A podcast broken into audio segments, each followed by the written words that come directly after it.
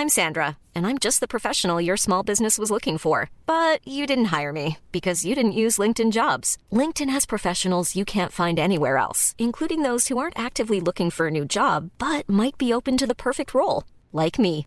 In a given month, over 70% of LinkedIn users don't visit other leading job sites. So if you're not looking on LinkedIn, you'll miss out on great candidates like Sandra. Start hiring professionals like a professional. Post your free job on linkedin.com/people today.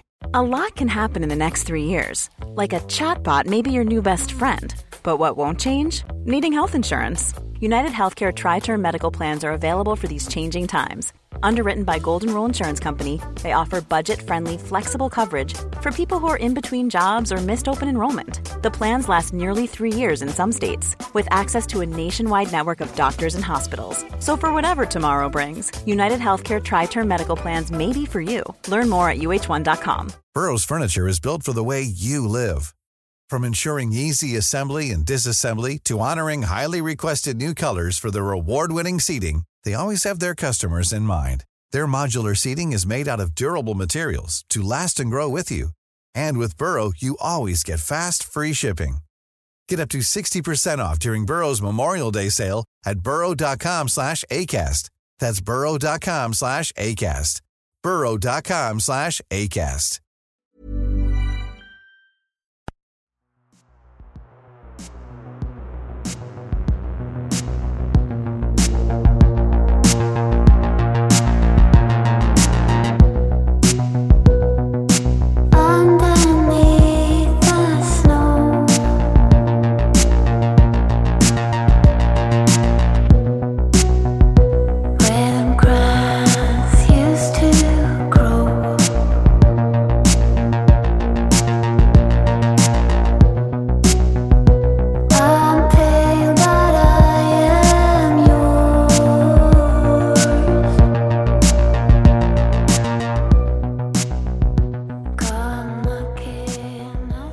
At Olösta mord.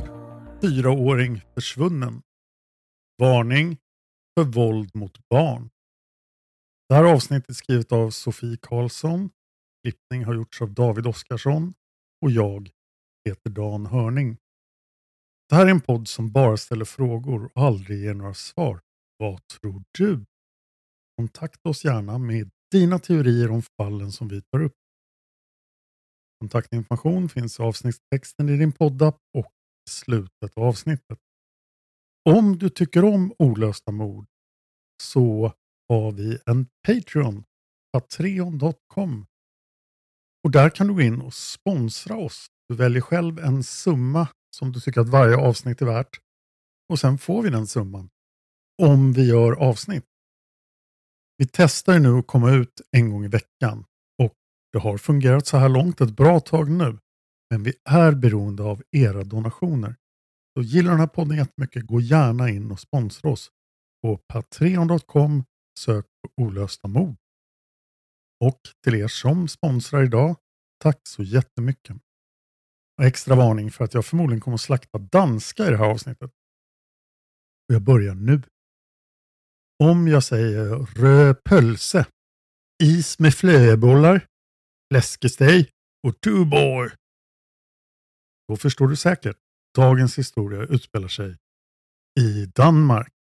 Närmare bestämt utspelar den sig i Koling på Jyllands östkust. Jylland är alltså det danska fastlandet, halvön som sticker upp från Tyskland. För att komma till Jylland från Sverige kom man först över Öresundsbron och då kom man från Sverige till Själland. Sedan kör man över Stora Bältbron mellan Själland och Fyn och slutligen över Lilla Bältbron som binder samman ön Fyn med halvön Jylland. Det kanske låter omständligt, men det tar bara cirka 2 timmar och 40 minuter mellan Malmö och Koling. 2022 bodde det 61 638 människor i staden Koling. Det är ungefär lika många som bor i Nyköping. Det fall jag kommer att berätta om idag har av dansk media i modern tid kallats för Danmarks Madeleine McCann. Och nej, vi har inte gjort Madeleine McCann än, men det kommer. Den här historien börjar 1979. I en lägenhet på Nörremarksväg nummer 8 i Kåling, bor fyraåriga Heidi Jepsen. Hon bor tillsammans med sin mamma Anna och sin bonuspappa Dion. Det verkar inte som att Heidis biologiska pappa är delaktig i hennes liv. Heidi är född 1975, är alltså fyra år gammal. Hon har inga syskon som bor tillsammans med henne. Nörremarksvej nummer 8 är ett hus i ett höghusområde omgivet av grön natur i norra delen av staden Koling. Det är inte långt från Heidis hem till det nybyggda sjukhuset. Heidi är en tillitsfull, social och nyfiken liten flicka. Det är inte ovanligt att hon går på upptäcktsfärder i lägenhetshusets källare. Alldeles själv. Det är inte heller ovanligt att Heidi knackar på sina grannar om hon är uttråkad eller hungrig. Hon bjuder gärna in sig själv till grannarna. Vissa grannar tycker det här är trevligt och andra tycker att det är ganska irriterande. En av grannarna som inte har någonting emot att Heidi kommer på besök är Kell. Kell är en äldre herre och han blir lite av en extra morfar för Heidi. Kell bryr sig väldigt mycket om Heidi. Nu kan man ju tänka att faktumet att Heidi tillåts leka i källaren själv och att hon bjuder in sig hos grannarna när hon är hungrig. Det här kanske tyder på att Heidis föräldrar har svårt med sin barnomsorg. Det verkar faktiskt som att mamma Anna själv är bekymrad över vad grannar och andra ska tänka. Hon är medveten om att hon ibland brister i sin omsorg för dottern. Men trots att hon känner till problemet och är bekymrad över vad grannarna ska tänka så verkar hon inte be någon om hjälp. Till exempel har hon inte kontaktat socialtjänsten. Det blir söndagen den 8 april 1979. Dagen har varit grå och disig, men det är snart påsk och dessutom är det snart dags för Eurovision Song Contest. Om bara ett par dagar kommer Tommy Seback att tävla med bidraget Disco Tango. Förutom Tommy Seback med sin 70-talsfrisyr och maffiga mustasch pryds det danska löpet av nyheten att den svenske bombmannen Lars Tingström har dömts till fem års fängelse. Tingström anses vara ansvarig för en rad uppmärksammade sprängningar i Stockholmstrakten. Det Tingström slutligen döms för är att han år 1977 skickade en brevbomb till Bo Hussner. Hussner var vid den tiden VD för det konkursade spelmaskinsbolaget Prox Calculator AB. Lars Tingström hade investerat 70 000 kronor i det bolaget. Tingström hade förlorat vartenda öre. Hussner överlevde brevbomben med sårskador. Lars Tingström ska nu avtjäna sitt straff Kumlaanstalten. Där han bland annat kommer att bli bekant med en viss Christer Pettersson. Och nu börjar vi glida in på Palmemordet. Det ska vi inte göra. Men är du intresserad av Lars Tingström och Christer Pettersson kan du lyssna på min podd om just Palmemordet. Den är snart uppe i 400 avsnitt. Den heter Palmemordet och du hittar den precis där du hittar olösta mord. Den här söndagskvällen den 8 april 1979 omkring 19.30 ringer mamma Anna till grannen Kell och frågar ifall Heidi är hemma hos honom. Kell svarar att Heidi inte är hos honom. Och han har inte heller sett Heidi alls under hela söndagen. Kell uppfattar oro i Annas röst och han blir också orolig. 19.30 är ganska sent på kvällen för en fyraåring att inte vara hemma. Det börjar bli mörkt ute och det är dessutom ganska kallt så här i början av april. Anna berättar för Kell att Heidi har lekt i sandlådan ute på gården vid lägenhetshuset precis i närheten under eftermiddagen. Anna berättar att hon har tittat till sin dotter genom fönstret ett par gånger. Men när hon skulle ropa hem henne för middag klockan 17.45 var Heidi inte där. Det är oklart i våra källor om Anna varit ute och letat efter sin dotter. Men hon har ringt till flera andra grannar innan Hon ringde till Kell. Anna säger att ingen har sett Heidi efter klockan 17.45. Kell föreslår då att Anna ska ringa till polisen. Men hon säger bestämt nej, det tänker hon inte göra.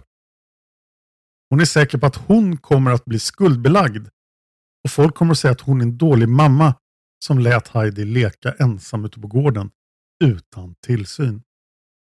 Efter att Anna och Kell har lagt på ringer Kell omedelbart till polisen för att informera dem om att en fyraårig flicka från Nörremarksväg nummer 8 är försvunnen och hon heter Heidi.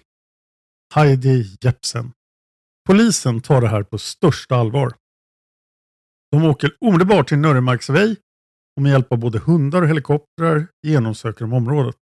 När de inte hittar Heidi i närheten av bostaden utökar de snabbt sökområdet till närliggande kvarter och grönområden i närheten. Trots den utökade sökinsatsen hittar polisen inga som helst spår efter fyraåringen. Polisen misstänker det här skedet inget brott. De jobbar helt utifrån teorin att Heidi har gått vilse eller att hon har råkat ut för en olycka. Polisen förhör mamma Anna och bonuspappan Dion. Anna och Dion säger att de senast såg Heidi omkring klockan 16 på söndagseftermiddagen. Heidi hade då kommit upp i lägenheten för att få någonting att dricka.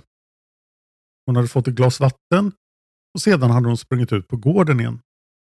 Anna och Dion berättar att Heidi den här dagen hade haft på sig en grön jacka med svarta kanter, en rödrandig blus, blå kapribyxor och svarta träskor. Heidi har dessutom glasögon och ett par guldörhängen i form av små hjärtan. Anna berättar för polisen att hon är väldigt orolig för sin dotter. Hon säger också att Heidi är ett enkelt offer för en kidnappare eftersom hon litar helt och fullt på alla vuxna, även vuxna som hon inte känner. Anna bedömer att det skulle vara enkelt för vem som helst med onda avsikter att lura med sig Heidi. Om en vuxen person som hade sett snäll ut hade erbjudit Heidi att åka en tur i en bil hade Heidi definitivt hoppat rakt in i bilen. Heidi hittas inte under natten. Nästa dag byts de lokala löpsedlarna ut. Nu syns inte längre Tommy Sebaks och Lars Tingström på tidningslöpsedlarna, utan bara Heidi. Varje timme rapporteras det på lokalradio om försvinnandet. Under måndagen utökar polisen sökinsatsen ytterligare. Nu deltar ett okänt men stort antal civila frivilliga i sökandet efter den fyraåriga flickan. De genomsöker bland annat en skog som ligger inte allt för långt från Nörremarksväg 8. Det finns också ett område med jordvallar i närheten där barn brukar leka. Även detta område genomsöks. Fortfarande hittas inga spår efter Heidi. Polisen knackar dörr i området och frågar ifall någon har sett Heidi eller om de har uppmärksammat någonting märkligt under söndagen när hon försvann.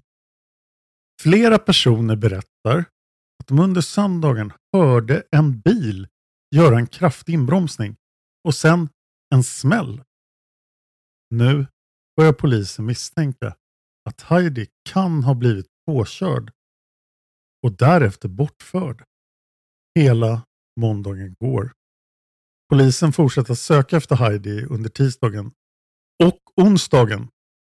Men då de inte får några som helst resultat kontaktar de Rikspolisen i Köpenhamn och ber om hjälp. Under onsdagen den 11 april kommer förstärkning till polisen i Koling. Mot slutet av onsdagen arbetar omkring 100 poliser med fallet Heidi. Polisen får också hjälp av dykare som genomsöker en å på andra sidan av det nybyggda sjukhuset. Ån ligger ungefär tre kilometer från Heidis hem. Det hittas inga spår av Heidi i ån. Ytterligare några kilometer från Nörremarksväg nummer 8 ligger en förbränningsanläggning. Polisen genomsöker anläggningen noggrant. Ifall ett litet barn som Heidi hade tagit sig in på anläggningen fanns det stora risker för skador. Men Polisen hittar inga spår efter Heidi på förbränningsanläggningen. Det kommer in fler tips till polisen men inget av tipsen innehåller någon användbar information. Polisen håller även förhör med hundratals personer i området. Inga förhör ger någonting. Heidi verkar vara spårlöst försvunnen. Ju fler dagar som går från det att Heidi försvann, desto mindre troligt tycker polisen att det är att hon har råkat ut för en olycka eller gått vilse. De borde ha hittat henne nu. Polisen blir mer och mer övertygad om att ett brott har begåtts. Hoppet att hitta Heidi i livet minskar för varje timme som går. Lördagen den 14 april 1979 publiceras en artikel på första sidan av tidningen Calling Folkeblä. Rubriken lyder Polisens sista hopp. Har Heidi blivit bortförd? Heidi har nu varit försvunnen i sex dagar. Polisen och journalisten på Calling Folkeble spekulerar att det kan ha varit en kvinna som har kidnappat Heidi. Kvinnan kan ha förlorat ett barn eller vara infertil. Hon kan ha kidnappat Heidi för att uppnå sin dröm om att få Here's a cool fact a crocodile can't stick out its tongue. Another cool fact you can get short term health insurance for a month or just under a year in some states. United Healthcare short term insurance plans are designed for people who are between jobs, coming off their parents' plan, or turning a side hustle into a full time gig. Underwritten by Golden Rule Insurance Company, they offer flexible, budget friendly coverage with access to a nationwide network of doctors and hospitals. Get more cool facts about United Healthcare short term plans at uh1.com. When you're ready to pop the question, the last thing you want to do is second guess the ring. At Bluenile.com, you can design a one of a kind ring with the ease and convenience of shopping online. Choose your diamond and setting. When you find the one, you'll get it delivered right to your door. Go to Bluenile.com and use promo code LISTEN to get $50 off your purchase of $500 or more. That's code LISTEN at Bluenile.com for $50 off your purchase. Bluenile.com code LISTEN. Hey, it's Ryan Reynolds, and I'm here with Keith, co star of my upcoming film, If, only in theaters, May 17th. Do you want to tell people the big news? All right, I'll do it. Sign up now and you'll get unlimited for $15 a month in six months of Paramount Plus Essential Plan on us. Mintmobile.com slash switch. Upfront payment of $45 equivalent to $15 per month. Unlimited over 40 gigabytes per month. Face lower speeds. Videos at 480p. Active Mint customers by 531.24 get six months of Paramount Plus Essential Plan. Auto renews after six months. Offer ends May 31st, 2024. Separate Paramount Plus registration required. Terms and conditions apply if rated PG. barn. Det verkar inte finnas någon konkret information som stärker den här teorin, förutom ett konstaterande att sånt här har hänt förr. Det mest troliga är dock enligt polisen att Heidi har blivit mördad. Deras utredning fokuserar därför på att hitta mördaren. En person som mår väldigt dåligt över att Heidi är försvunnen är Kell, grannen som anmälde henne försvunnen. Kell berättar för polisen att han hade umgåtts med Heidi dagen innan hon försvann, alltså lördagen den 7 april. Kell hade då packat sin bil för att han planerat åka till sin familj på södra Jylland på söndagen. Heidi hade då frågat om hon fick följa med. Kell hade sagt att det måste hon fråga sin mamma Anna om. När Anna hade sagt ja hade Kell sagt att Heidi fick följa med. Men sen hade Kell ångrat sig och valt att inte åka till sin familj. Detta måste Kell, utifrån tidslinjen, hans egna tidigare information om att han inte hade träffat Heidi under söndagen, ha informerat Anna och eller Heidi om redan på lördagen. Kell plågas av sitt beslut att inte åka. Om han hade åkt till södra Jylland med Heidi så hade ju hon inte försvunnit, menar Kell. Det är inte vårt jobb på olösta mord att anklaga en man som aldrig ens har varit i närheten av att vara misstänkt för inblandning i Heidis försvinnande. Men när man har lyssnat på tillräckligt många poddar och läst om tillräckligt många true crime-fall frågar man sig ju lite grann om inte Kell är en person som polisen åtminstone borde vara intresserad av. Han är en vuxen man som både Heidi och Anna litar på så mycket att Heidi skulle få följa med honom till hans familj. Planer som alltså blev av oklar anledning avbokade innan Heidi försvann. Så vitt vi vet utreder polisen aldrig Kell och en sak som talar emot hans inblandning i försvinnandet är förstås att det var han som ringde polisen när Anna berättade att Heidi var försvunnen, trots att Anna inte ville det. Lokalpolisen tillsammans med rikspolisens förstärkning förhör alla vittnen ytterligare en gång. Förutsättningarna för förhören har ändrats eftersom polisen har gått från att misstänka en olycka till att nu misstänka ett mord. De nya förhören ger precis lika mycket resultat som de gamla, det vill säga ingenting. Totalt har polisen nu hållit omkring 500 förhör.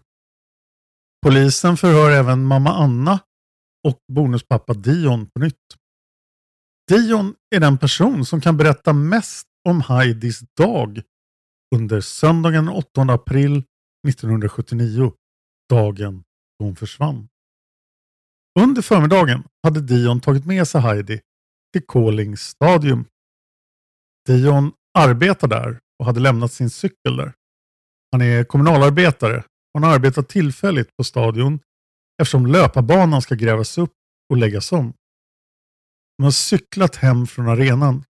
Heidi hade suttit på pakethållaren. Under cykelturen hade Heidi och Dion börjat bråka. Detta hade lett till att Heidi hade trillat av cykeln. Men enligt Dion hade fallet inte lett till en enda skråma. Dion, Anna och Heidi hade sedan ätit lunch ihop hemma. Efter det hade Heidi och Anna tagit en tupplur. De hade sovit i flera timmar. Omkring klockan 15 hade Heidi gått ut på gården för att leka i sandlådan. En timme senare hade hon kommit hem och bett om ett glas vatten. Efter det hade varken Dion eller Anna sett Heidi. Polisen genomför en rekonstruktion av promenaden till Calling Stadium och det Dion och Heidi hade gjort där. En jämnårig flicka med Heidi och Dion är med på rekonstruktionen. Calling Folkeblä fångar rekonstruktionen med sina kameror och publicerar bilder av den.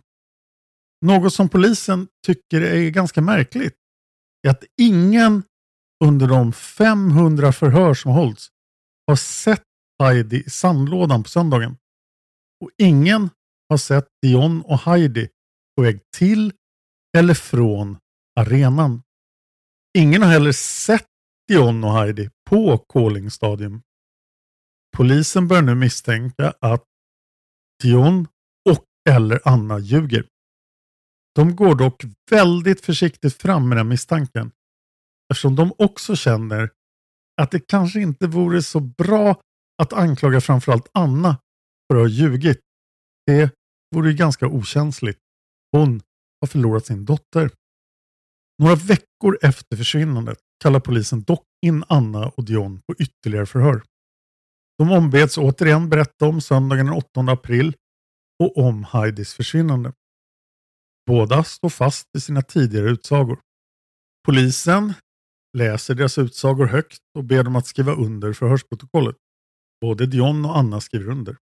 Plötsligt brister tålamodet för en av poliserna. Han säger rakt ut att han inte tror på dem. Han tror att de håller tillbaka information eller så ljuger de. Anna blir likblek i ansiktet. Hon bryter ihop och erkänner att hon faktiskt har ljugit. Anna säger att hon har inte sett Heidi alls under söndagen. Anna hade varit ute med en kompis under lördagskvällen och natten. Hon hade kommit hem under söndagsförmiddagen. Sedan hade hon sovit hela dagen.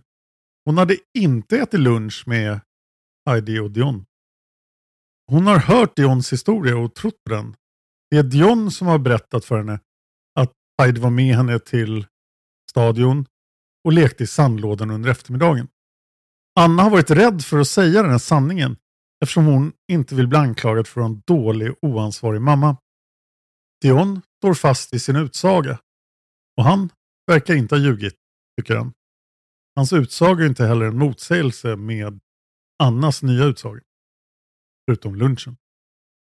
Två månader efter Heidis försvinnande, på tisdagen den 12 juni 1979, anhålls Dion för mord på Heidi. Heidi är inte hittad, men polisen är ändå säkra på att hon har blivit mördad. Anna anhålls också. Hon anhålls för medhjälp till mord. Båda nekar till anklagelserna. Dion och Anna får genomgå någonting som i Danmark kallas för ett grundlagsförhör. Det är en rättslig princip i Danmark att de som anklagas för brott måste få ett grundlagsförhör inom 24 timmar efter anhållandet. Grundlagsförhöret syftar till att avgöra om polis och åklagare har grund för att häkta den misstänkte eller misstänkta. Det är alltså lite grann som en häktningsförhandling, men det går mycket snabbare än i Sverige. En domare ska avgöra då om det blir häktning eller inte. Dion och Annas grundlagsförhör pågår i 36 timmar. Det innebär att det är ett av de längsta grundlagsförhören i dansk kriminalhistoria. Domaren meddelar efter förhören att det saknas konkreta bevis mot Dion och eller Anna. Därför får de gå fria fram till dess att konkreta bevis kan presenteras och då kan en rättslig huvudförhandling inledas. Dion och Anna är alltså nu fria men utredningen fortsätter. Polisen fortsätter att utreda fallet och eh, de behåller Dion som huvudmisstänkt. Eftersom han arbetar med löparbanan på Calling Stadium grävs den upp. Han arbetade med den omläggningen och han uppgav själv att han hade varit där vid löparbanan på söndagen. Polisen funderar på om ingenting kan ha hänt på Calling Stadium och att Dion sen begravde Heidi under löparbanan. Så löparbanan grävs upp och genomsöks noggrant men där finns ingenting av värde. Polisen fortsätter arbetet med fallet fram till slutet av augusti 1979. Det har då gått fyra månader sedan Heidi försvann. Då säger polisen, nej, det här är kört. Det finns ingenting mer vi kan göra. Det är inga konkreta bevis mot Dion eller Anna och därför friskrivs de officiellt från misstankar om brott och därmed blir fallet Heidi kallt. Anna och Dion separerar ganska kort därefter. 1985, sex år efter Heidis försvinnande, döms Dion i en domstol för barnmisshandel.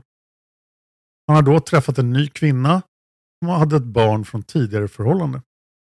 Han har också fått ett barn med den här kvinnan. När den gemensamma sonen bara var fyra månader gammal blev han inlagd på sjukhuset i Koling med allvarliga skador mot huvudet. Skadorna var så pass allvarliga att den lilla pojken fick permanenta hjärnskador.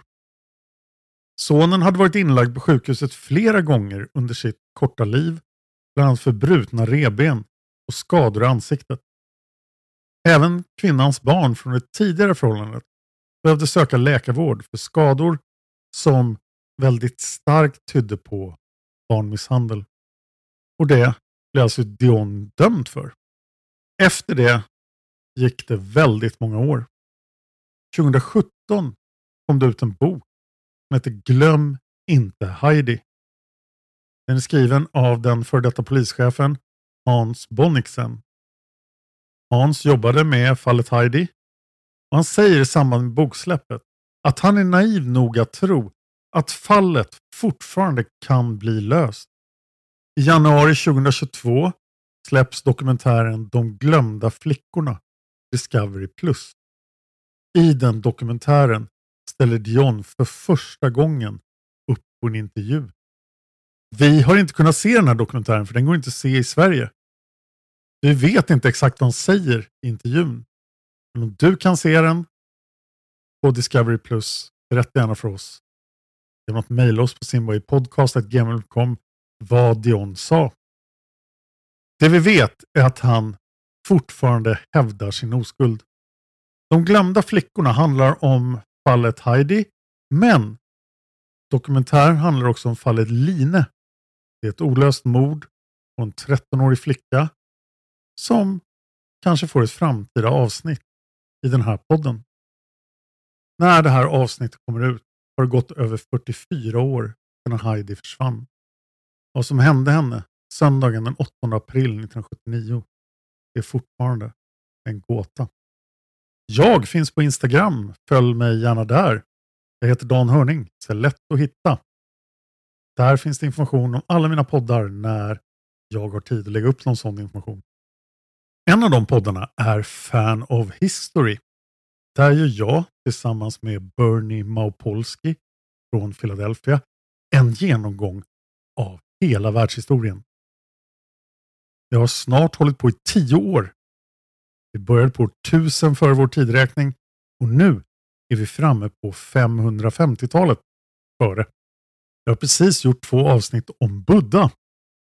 Annars är det mycket gammaltestamentlig tid, Assyriska imperiet, romare och greker. Och Kina, jättemycket Kina. Så vill du höra ett väldigt ambitiöst historiepoddsprojekt så ska du lyssna på Fan of History. Den podden finns där olösta mord finns. Jag vill att du mejlar vad du tror om vartenda fall vi har gjort i olösta mord. Vem var mördaren? Vad var det som hände? Var är Viola? Mejla dina teorier om alla fall som vi har tagit upp till simwaypodcast.gmail.com Simway med Z. Simway Podcast. Tack till alla som har mejlat in.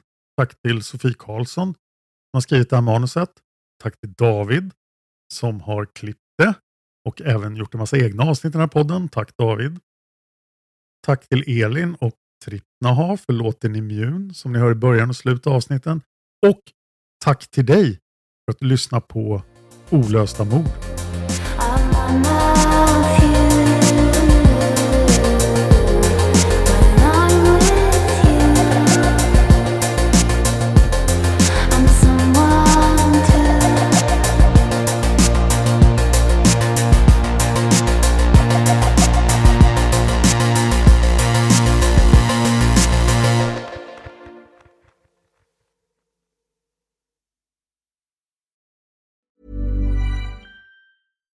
When we're on a budget, we still deserve nice things. Quince is a place to scoop up stunning high-end goods for 50 to 80% less than similar brands. They have buttery soft cashmere sweaters starting at $50, luxurious Italian leather bags, and so much more. Plus, Quince only works with factories that use safe, ethical, and responsible manufacturing. Get the high-end goods you'll love without the high price tag with Quince. Go to quince.com slash style for free shipping and 365-day returns. Planning for your next trip? Elevate your travel style with Quince. Quince has all the jet-setting essentials you'll want for your next getaway, like European linen, premium luggage options, buttery soft Italian leather bags, and so much more. And is all priced at 50 to 80% less than similar brands. Plus, Quince only works with factories that use safe and ethical manufacturing practices. Pack your bags with high-quality essentials you'll be wearing for vacations to come with Quince. Go to quince.com slash pack for free shipping and 365-day returns. When you make decisions for your company, you look for the no-brainers. If you have a lot of mailing to do, stamps.com is the ultimate no-brainer. Use the stamps.com mobile app to mail everything you need to keep your business running with up to 89% off USPS and UPS. Make the same no-brainer decision as over 1 million other businesses with stamps.com. Use code program for a special offer. That's stamps.com, code program.